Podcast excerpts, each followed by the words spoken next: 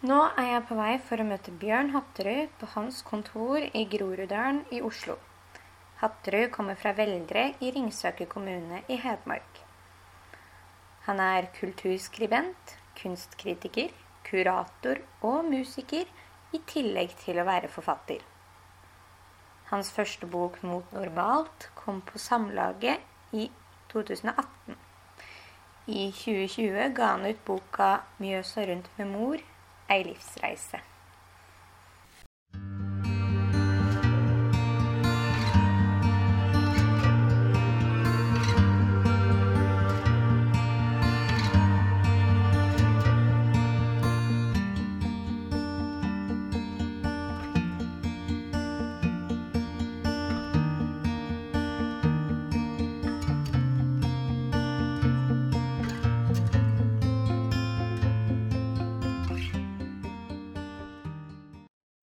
Jeg var barn, helsa jeg alltid på alle jeg møtte i Veldre, og de helsa på meg. Vi var nå alle stort sett i slekt på eit eller anna vis. Far nikka helsingar ut av det blå til folk vi køyrde forbi. Etterpå forklarte han korleis vi var i slekt. Var det en voksen person, fikk jeg vite hvem som var ektefellen, og gjerne også slektskapet mitt til ektefellen òg, for jeg var som regel i slekt med begge to. Det samme gjentok seg de gangene jeg hadde fått nye venner, kjenninger eller klassekamerater. Far ville vite etternavnet, og helst fornavnet, på begge foreldra, så fikk jeg vite hvor i slekta mi de nye folka kunne plasseres. Mor og far har søskenbarn i alle aldrer. Fars eldste søskenbarn var født før 1920. Mors yngste var ikke så mye eldre enn jeg. De hadde vel rundt 100 fettere og kusiner til sammen.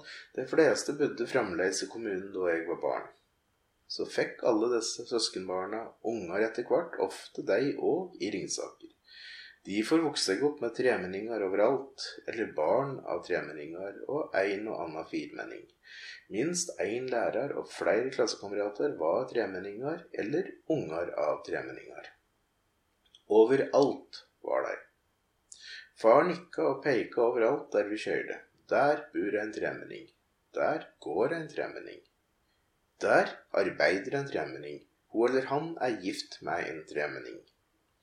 Da postkontoret i byflaten, som var sentrum i bygda der jeg vokste opp, ble utsatt for væpna ran, gikk jeg i første klasse på barneskolen. Vi satte opp vinduene for å høre på alarmen. Noe ula i bygda. Ingen kom på at det kunne være et ran. Da vi kom hjem, fikk vi høre hva som hadde skjedd. Raneren ble fort tatt i heimen til morsi, et søskenbarn av mi mor. Men det var ingen overrasking for meg at ransmannen viste seg å være en tremenning. Sjølsagt måtte òg en av alle disse tremenningene jobbe med å rane folk. På skolen dagen etter snakka vi om ranet. Jeg kjenner meg litt tøff og stolt over slektskap med slik en hardbarka kriminell. Han er tremenningen min, sa jeg høyt. Så viste det seg til min store skuffelse at ransmannen var tremenningen til en av de andre guttene i klassa òg. I bygda mi var det ingen som hadde slektstre. De fleste var del av et salig slektsbuskas, et villnis av familierelasjoner med greiner inn og ut overalt. Fram til folk fikk seg sykkel i mellomkrigstida, og det ble regelmessige bussruter, var det ikke så lett å komme seg lenger enn det beina kunne bære en. Mange flytta ikke så langt heller. En ble gjerne buende om lag der en var født, sjøl etter at en var gift. Skulle en skaffe seg partner innenfor gåavstand, var det ikke mange aktuelle familier. Klumpfot, som jeg har, er bl.a. et vanlig symptom på systematisk innavl. Jeg har kikka nøye på slektstreet mitt, og det ser ikke ut til at greiner kryssa hverandre mer enn det genetikere ville funnet forsvarlig hos hunder eller storfe.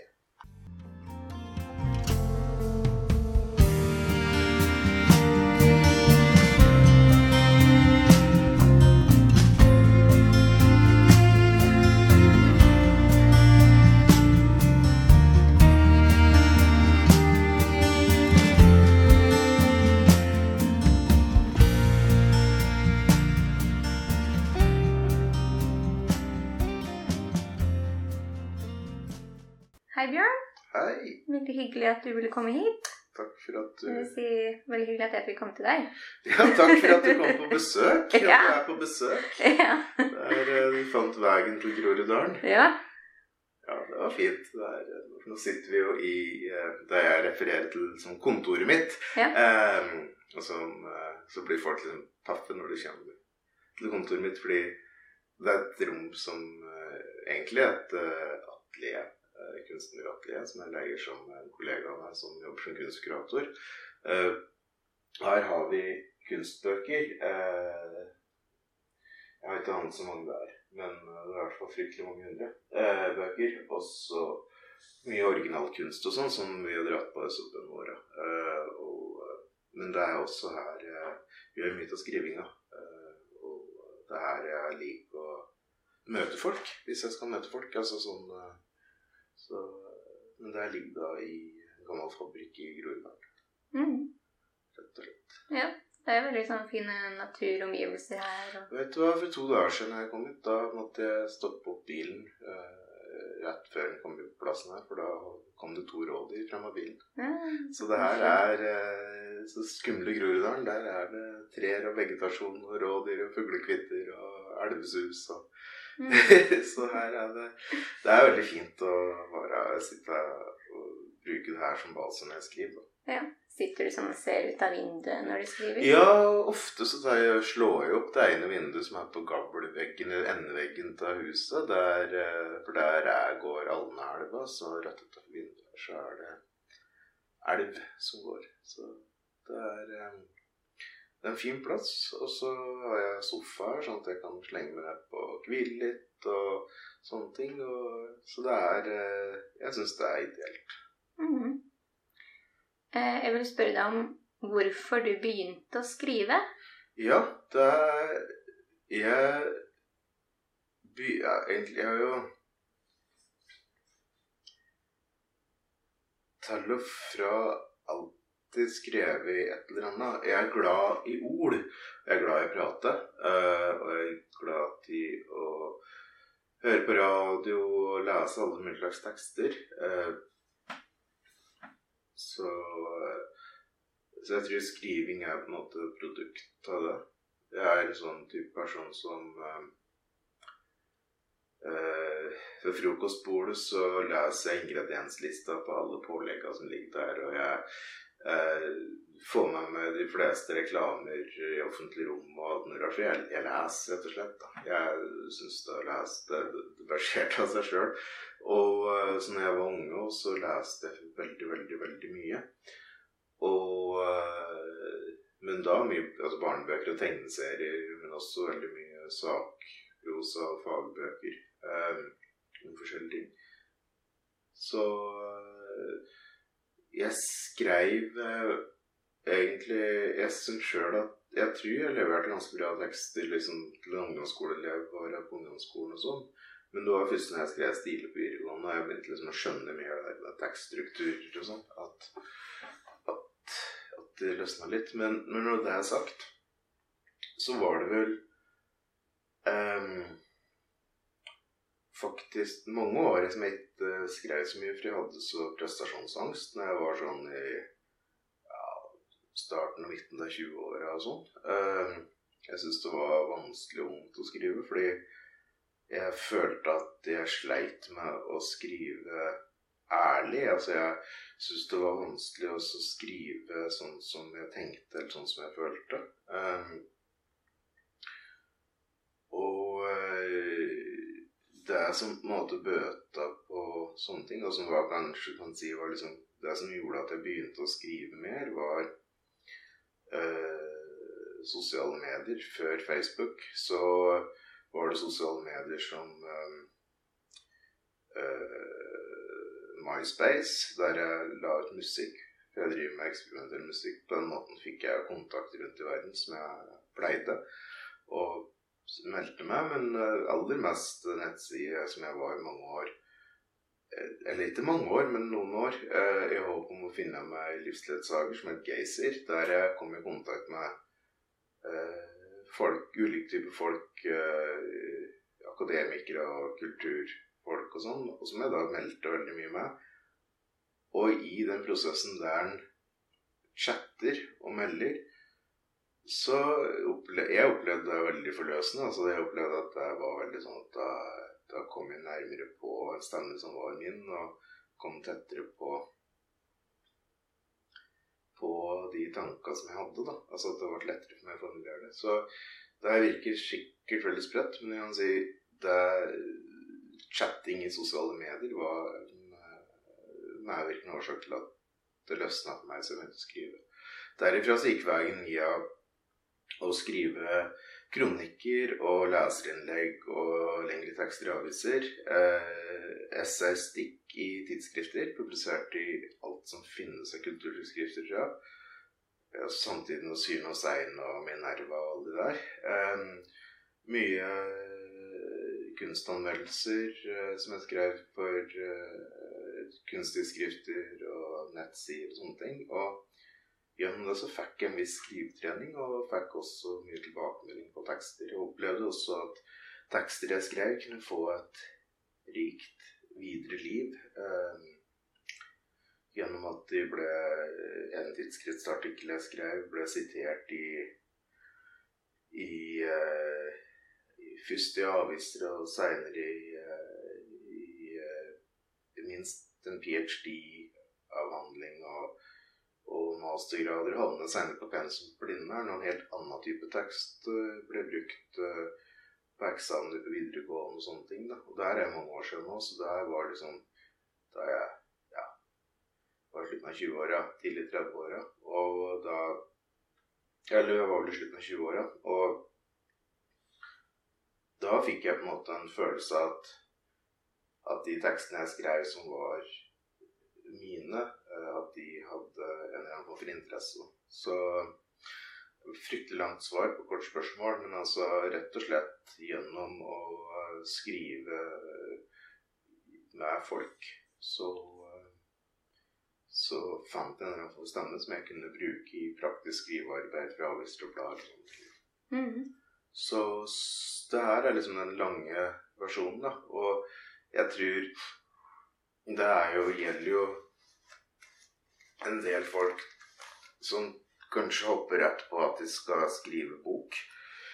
Eh, så er vel, tenker jeg vel at for ganske mange, ikke alle, men for en del så er jo det å skrive seg sjøl det er noe må gjøre.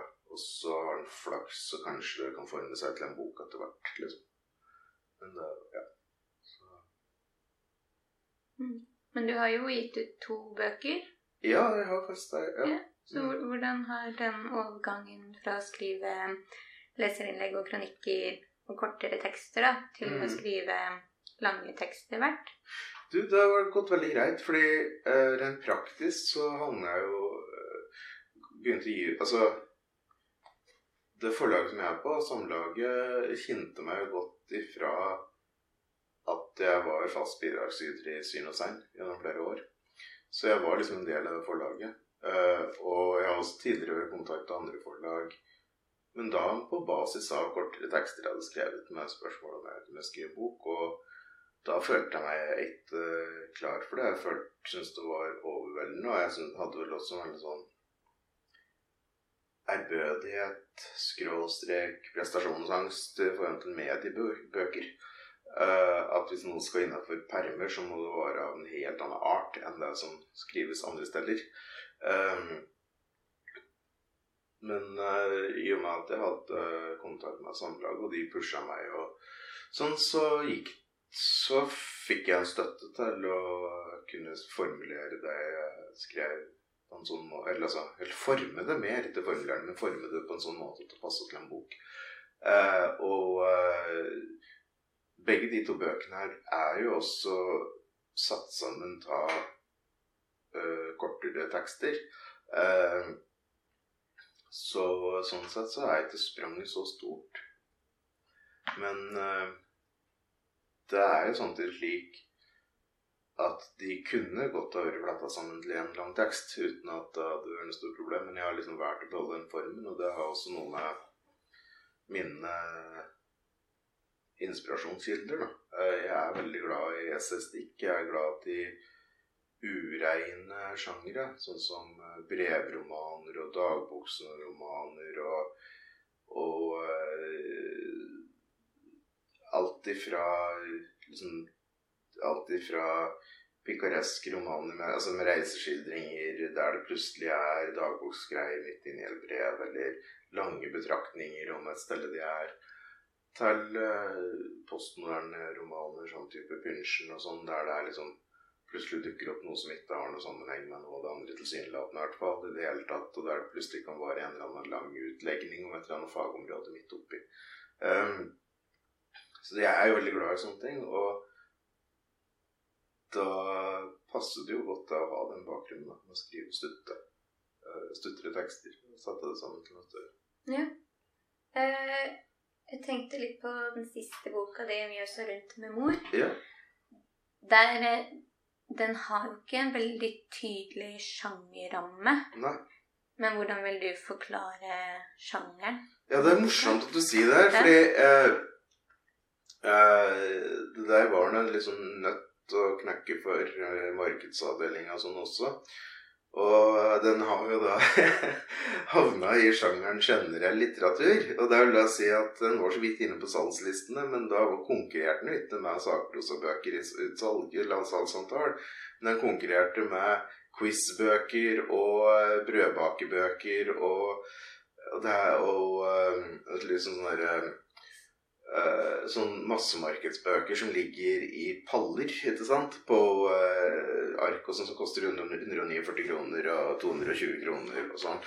Uh, som limfrest med pappomslag. Uh, og altså, den havna i den kategorien, da, generell litteratur. Uh, sånn at den var jo da så vidt inne på salgslistene liksom sammen med sånn der fotballquiz og og uh, slik lager du trolldeigfigurer, som er sånne ting som måtte skyfles ut med, med gaffeltrøkk uh, fra forlaga. Og det er jo rett og slett fordi at de har nok hatt vondt for å bestemme seg for om det her er skjønnlitteratur eller sakprosa. Um, hvis vi sier at det er essaystikk, så er jo det en sånn hybridsjanger som i Norge ofte puttes inn i sakprosaboksen. Eh, og som dermed kommer bl.a. under innkjøpsordninga for sakprosa, som betyr at det er veldig veldig få som kjøpes inn. Eh, I Sverige tror jeg det er Det kan hende jeg tar feil nå, men jeg tror det er Sverige. Veit i hvert fall at en del land så puttes uh, essaystikk sammen med skjønnlitteratur. Og ergo så vil det da få på en måte samme status og formelle rettigheter som en roman eller uh, en poesisamling. Uh, så, uh, og vil da også f.eks. nyte godt av innkjøpsordning og sånne ting. så, så det her er en sånn der en bok som er litt sånn dritten i midten, eller som har liksom døtte mellom noen stoler. men trives jo godt der, da. mellom de stolene. Og jeg jo, syns jo det er eh, Sjøl om jeg åpenbart taper litt økonomisk på det, og kanskje også er på omtale av boka, eh, altså anmeldelser og sånne ting fordi den her vil jo da slite både hos sakprosaanmeldere og skjønnlitterære anmeldere, fordi den passer ingen stand. Så så vil På tross av så tenker jeg at jo, jo, men det er liksom litt sånn The Story of My Life også, og det er litt den boka er uh, inneholder jo lange essayistiske betraktninger, altså mine erfaringer og tanker, åssen jeg vurderer ting og sånn. Og sammen med at den inneholder en del ting som kan passe i en um, sjølbiografi, og samtidig som noe det også kan ses på som form for uh, kulturanalyse både av liksom, tidskontekst og stedskontekst, liksom. Så så det er jo en sånn hybridbok. Uh, men igjen, det er jo sånne type bøker jeg liker å lese. Uh, men vi I og med at historiens gang har gjort det slik, så har vi i Norge et skille mellom sakprosa og skjønnlitteratur som er uh, relativt definitivt og absolutt sånn på papiret. Det uh, skjønnlitteratur har uh, sjenerøse innkjøpsordninger, men dårlige støtteordninger. Uh, og der sakprosa har relativt gode støtteordninger og elendige innkjøpsordninger. Og eh, de har også vært sitt kretsløp til stor grad med tanke på anmeldere og eh, med tanke på publikasjoner. Eh, så de lever veldig sånn side om side i parallelliv. Samtidig som det i hver av de sjangre, skjønnlitteratur og sakprosa, jo er bøker som likså gjerne kunne vært i den andre kategorien. Altså Et eksempel er den etter hvert legendariske Knausgård-serien med Min kamp, som jo er Bodø kunne ha gått under sjølbiografi og ikke minst essaystikk. Eh, som jo eh, fikk stempelet roman, ergo så var det så var det skjønnlitteratur, ikke sakprosa. Eh, og på andre sida har du sånn som eh, eh, havboka til Morten Strøksnes, som slik jeg leste den, tenker jeg at det her kunne likså gjerne fått stempelet roman. Uh, en postmoderne roman, men som da fikk stempelet sakprosa. Og ergo så ble det lest på de brillene. Så, så, det er uh, sånn at den boka 'Mjøsa rundt på mor' er liksom sånn Den er uh, Som jeg opplever det, så er den er en form for hybridbok. Og, men jeg skjønner jo godt at folk egentlig ikke har lyst til å ha det stempelet hybridbok på bøkene sine. fordi at da havner du jo i det der eh, sumplandet i midten, da, som ingen har lyst til å være. Der du på en måte verken blir anmeldt eller lest som skjønnlitteratur eller som sakprosa, og ikke kan nyte godt av uh, nødvendigvis av noen ordninger og, uh, og så videre, da. Uh, så um, Men jeg liker jo den, som sagt, den type bøker veldig, veldig, veldig godt. Mm -hmm. Når jeg skulle kjøpe boka di på bokhandelen, så sto den under dokumentar. Nettopp. Ja. Jeg har funnet den under dokumentar, men jeg har også funnet den feilplassert på reise. Og jeg har også funnet den under uh, biografier. Uh, og lokal uh, sto den et sted. Og sånn at Ja, nei, den er mm. plassert rundt omkring, og jeg gudene veit hvor den dukker opp. Ja. og det jeg syns jo Men jeg, jeg syns jo det er litt moro å jeg tenker jo at At for min del så eh, Så er det der landskapet i midten Det er så interessant, da. Så, så får den heller bare få noen konsekvenser, da. Men jeg har jo sagt litt på spøk da neste boka jeg skriver, den kaller jeg roman uansett åssen det er. For da blir det så enklere for alle. ja. Um, opplever du skrivinga som et fristed? Uh, dette er et interessant spørsmål. Fordi ja og Nei og ja. Uh, og nei. Uh, noen ganger så er skrivinga bare som sånn der som en haug med gammel oppvask, liksom. Som, bare, som bare, blir, bare, blir, mer og mer ubehagelig. Han står der, og en veit at når han har gjort det, så blir ting så utrolig mye bedre. Og ting faller på plass, og, og ting føles bra ut. Men den fortsetter å vokse, liksom. Og, og det er eh, Og andre ganger så så eh, er det mer sånn at Nei, nei nå skal det bli godt å sette seg ned og skrive. Um, så eh, Men det jeg opplever, er vel at når jeg skriver, så Så får jeg en form for sånn konsentrert ro over meg, og det er jo veldig sånn skal vi si, angstdempende og beroligende, det å sitte være og skrive. Um, så, uh, og jeg er heldigvis sikkert mye fordi at jeg har skrevet så mye sånne kortere tekster for mange mottakere, lært meg til å lagre midlertidige versjoner av tekster og slette. Altså vente meg til å slette. Sånn at det er ikke så ofte at jeg føler en sånn enorm identitet i det som kommer ut heller, nødvendigvis. Altså at jeg kan tillate meg slett, og da så, så, det er jeg glad for, fordi da er det litt mindre skummelt å satse med å skrive. Og for da, hvis noen har et litt mindre arbeid i forhold til det som kommer ut. Men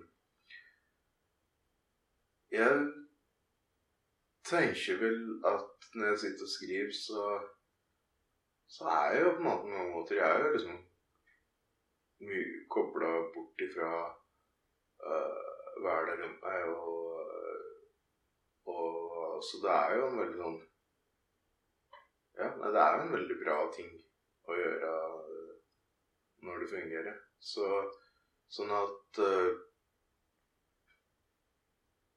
ja, nei, det, er, det, er, et interessant spørsmål, altså. Men ofte så er det Det varierer. For noen ganger så er det rett og slett at har jeg, jeg skriver fremdeles andre ting også for tidsskrifter og blader. Og Berna i høst så har jeg tekster i, i Samtiden og Vindu og billedkunst og forskjellig. Og når jeg skriver den type tekster der det er deadline og tema, så er det litt som legger kabal, på en måte. Altså jeg skal få det til å gå opp innenfor et visst antall tegn. og det er liksom Uh, men når jeg skal skrive noe som er mer åpent, uh, så har jeg ikke den følelsen For da har jeg ikke den type deadline eller Og da kan det være litt sånn fælt å komme i gang. Eh, men det er klart, når jeg sitter der, så, så er det jo kult. Det,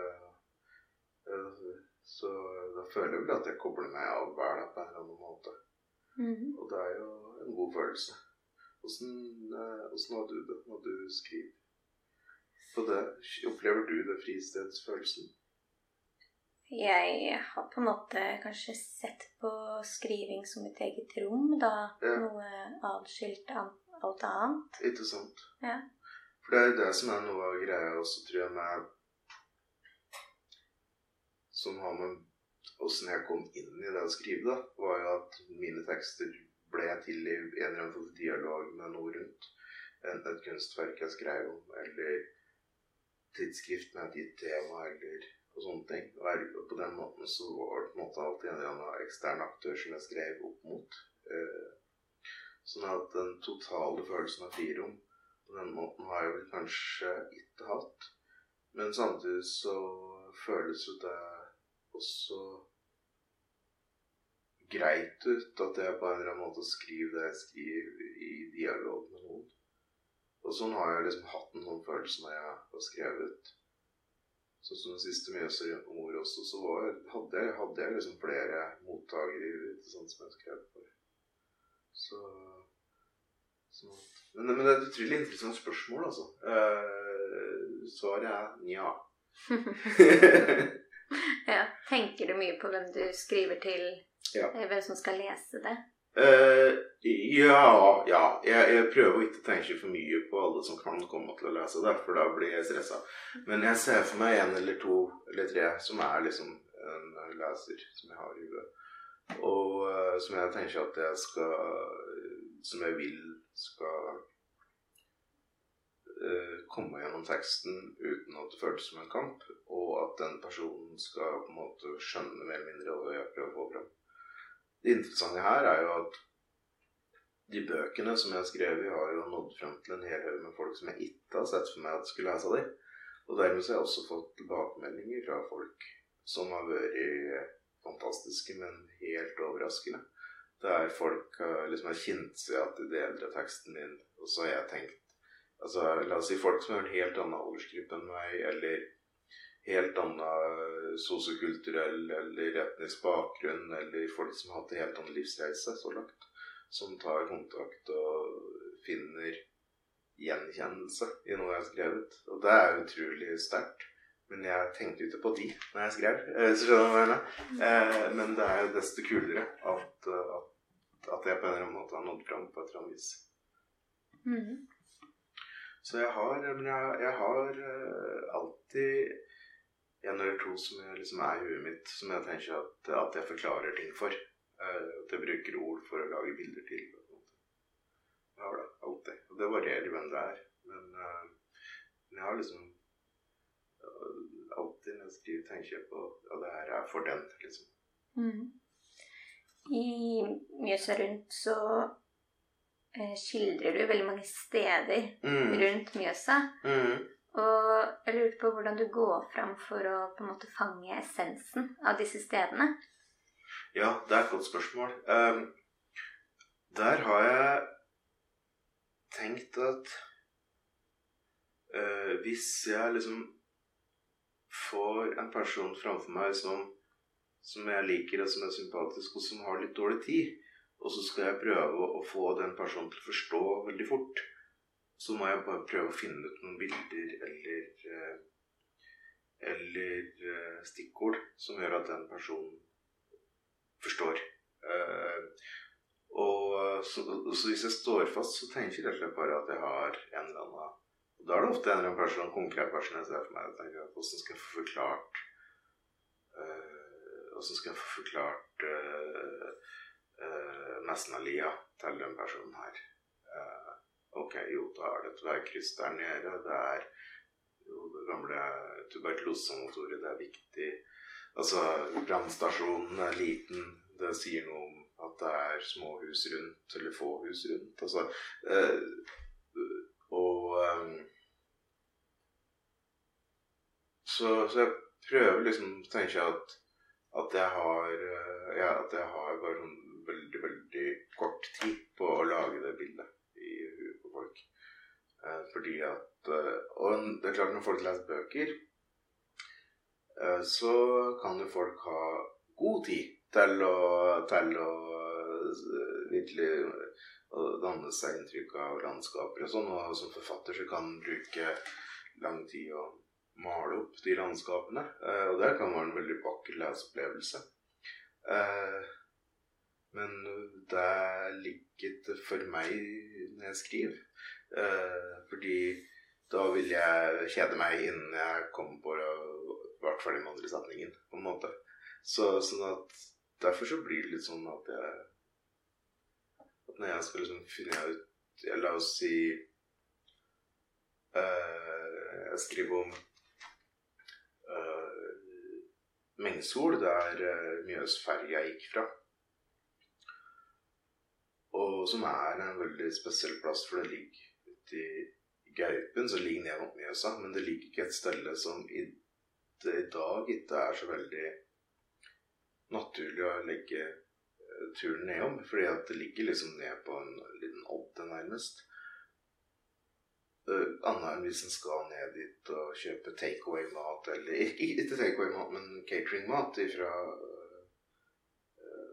finnes sånn catering nedover som er, som er veldig bra. Men ellers er det ingen sånn grunn til å dra ned dit. Og når man kommer dit, så er det veldig sånn stemning av en eller annen form for litt sånn sakte forfall. fordi det er jo fremdeles asfaltert oppstillingsplass for biler til ferja og, og, sånne ting. Men så ser du liksom at de spora etter det som har vært der en gang, er i ferd med å bli viska ut.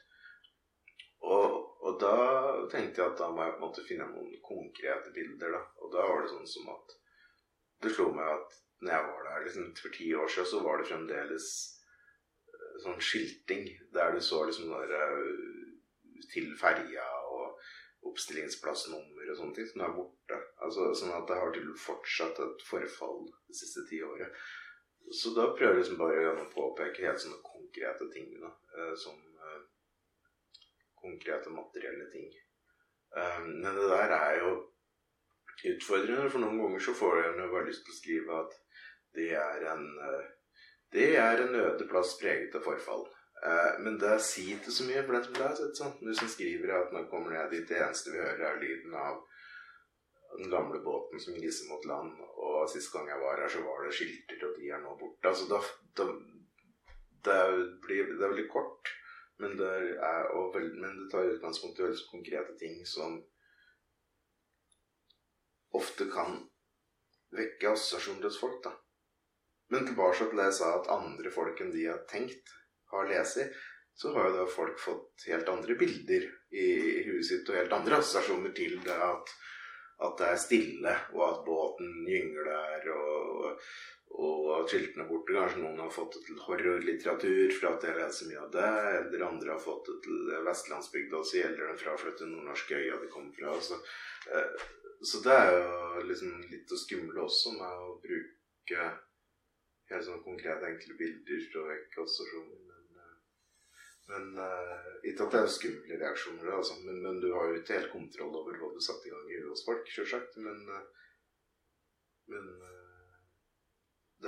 det, er, liksom sånn jeg liker å gjøre ting, da. Jeg skriver f.eks. som du sier om de bygdene. Og så en annen ting. Jeg prøver også å kutte ned eh, til de elementa som er nødvendige, og til de elementa som sier noe mer enn det de sier i seg sjøl. Også at jeg, hvis jeg skriver den lyden av ferja, så er jo det for å få frem at det er stille. Men jeg skriver ikke at det er stille. Altså, eh, sånn at, og den stillheten innebærer også at eh, det en eller annen gang ikke var stille her. Altså, jeg vil ikke skrive at, at jeg er i skogen og det er stille. Altså, for der er det jo stille. ikke sant? Eh, eh, sånn at, eh, Og i og med at det nå er stille, så ergo så var det en gang ikke stille. Og, altså, så jeg prøver liksom å kutte ned til å beholde de elementene som sier noe mer enn det de egentlig beskriver. Men igjen, det her kommer veldig an på folks konnotasjoner og assosiasjoner og åssen folk tenker rundt at de leser. Og det går fint an å lese gjennom det her fort og ikke tenke noe av det jeg sier nå. sånn at jeg, det her har jeg ikke noe kontroll over, da. Men uh... Nei. Men uh, du jobber jo mye med visuelle kunstformer. Mm. Og jeg har tillegg så har jeg også bakgrunn fra kulturhistorie, altså studier i mm. kulturhistorie. Mm. Riktignok ikke materiell kulturhistorie, mer sånn verbal, men også der så tar det utgangspunkt i konkrete gjenstander ofte. Eh, konkrete materielle forhold. Mm. Og jeg har jo skrevet mye om billedkunst, og der er det jo Første delen av en uh, billedkunstanalyse er jo gjerne en visuell beskrivelse. Og så trekker man slutninger deretter. Jeg tror jeg avbrøt deg. Unnskyld. Nei, ja. Jeg bare uh, lurte på hvordan det perspektivet blir med i tekstene dine. Ja, jeg lurer på faktisk Jeg har ikke tenkt på det før i det hele tatt. Så det var, uh, men det var faktisk Når du sier det, så tror jeg at det jeg, erfaringene jeg har med å skrive om uh, billedkunst, har gitt meg erfaring i å trening i å se visuelle gjenstander eh, med ulikt blikk. Altså nå mener jeg Bodø fysisk blikk, liksom, men også metaforisk blikk. Altså det å på en måte gi det ulike, ulike analytiske blikk, altså forstå hva kan det her bety. Så det, det, tror jeg faktisk Jeg har ikke tenkt på det. Det var utrolig Det var litt en åpenbaring for meg. For det samme går igjen med kulturhistorie òg, for jeg har skrevet en god del essays og artikler og sånn med kulturhistorisk tilsnitt der jeg har skrevet om sånn type tradisjonell folkelig lavkultur, altså bilkultur og dansebanekultur og sånn. Men der også har jeg ofte, veldig ofte tatt utgangspunkt i konkrete ting. altså sånn hvor mange var til stede på den konserten? Eh, hvor mange dører var det på den bilen? Hvordan designa de den bilen? Og så har jeg på en måte ut fra det trukket slutninger om tida eller tidsånden eller maktforhold, eller hva det måtte være. Så det her er jo en måte å tenke rundt ting på som jeg har lært meg opp i. Man blir bare så blind for sine egne blikk. Litt sånn. Man blir så blind for åssen man sjøl tenker rundt ting. Så Herregud, det var jo litt sånn det var, Ja, det var morsomt. eh, hva ønsker du å tilføre det litterære bildet i Norge? Eller hva er det du ønsker å kommunisere, da? Det er et veldig godt spørsmål. Ehm, for det første så er jeg veldig glad i sånn sjangerren litteratur. Eh, både som krysser mellom sakprosa og skjønnlitteratur, men også der det kan være litt uklart hva som er ren fiksjon, og hva som er uh, gåsenes virkelig. Og der det kan være ulike tekstelementer fra ulike sjangerkonvensjoner som går om hverandre. Fordi jeg, jeg, liker det som er litt sånn ureint. Uh, også med tanke på Jeg liker bygninger der du kan se spor fra ulike tider. Jeg liker øh, øh, folkelige tradisjoner der deler av tradisjonene blir meningsløse eller plutselig blir dramatisk endret en eller annen gang. Altså, jeg liker ting som ikke er helstøpt. Fordi vi mennesker er ikke helstøpte. Altså, rett og slett. Så det er en bit av det. Jeg ønsker å skrive i et sånt type landskap. Og det andre er at øh, jeg ønsker å skrive om øh, skrive om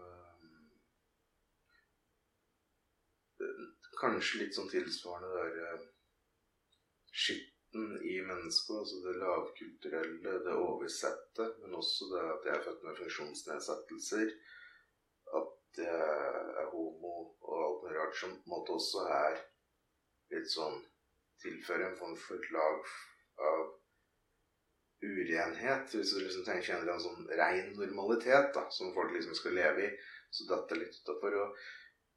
Jeg har lyst til å skrive ut fra de perspektiva der. Altså ut fra det marginale, det smale, det avvikende, det uh, unntaket osv. Og, og jeg ser også at Og det her er ikke ment som kritikk mot noen, men jeg ser at det er en relativt stor andel av norske romaner som har et øh, funksjonsfriskt uh,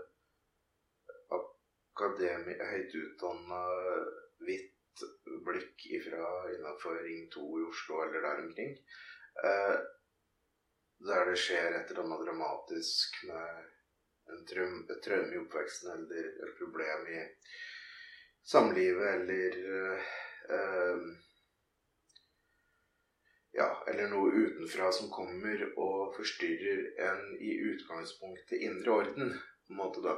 Jeg tror at veldig mange folks sine liv er ikke sånn at vi har den indre orden på plass i utgangspunktet. Altså jeg tror veldig mange lever med dårlig råd eller dårlig helse eller dårlig sjølbilde eller onde minner, og det er en del av liksom normalsituasjonen i livet deres. og så sånne ting syns jeg også kunne være fint å prøve å få pakket inn i deres liv. Altså det at, at vi lever våre skakke, haltende, rare liv eh, med våre mangler og vår bevissthet om våre mangler og stress rundt våre mangler, og at det er veldig vanlig. Eh, og at det ikke er noe feil. Så det er ikke noe å skamme seg over. Så hvis jeg kunne skrive noen bøker som er litt sånn sjangerurene, der jeg løfter fram blikket fra sånn marginale folk, marginaliserte grupper og sånn, så ville jeg vært glad. Men også hvis jeg kunne på en måte gi helt vanlige hverdagserfaringer som en gjerne overser eh, en stemme, så ville det også gjøre meg veldig, veldig glad. Um, sånn at Fordi det er også noe av greia med en del skjønnlitteratur, er jo at vi er jo at er fort gjort å tenke at en må leite etter et eller annet opphøyd eller større eh, når en skriver det. Eh, og samtidig som veldig mange av de små tinga jo faktisk er de tingene som fyller livet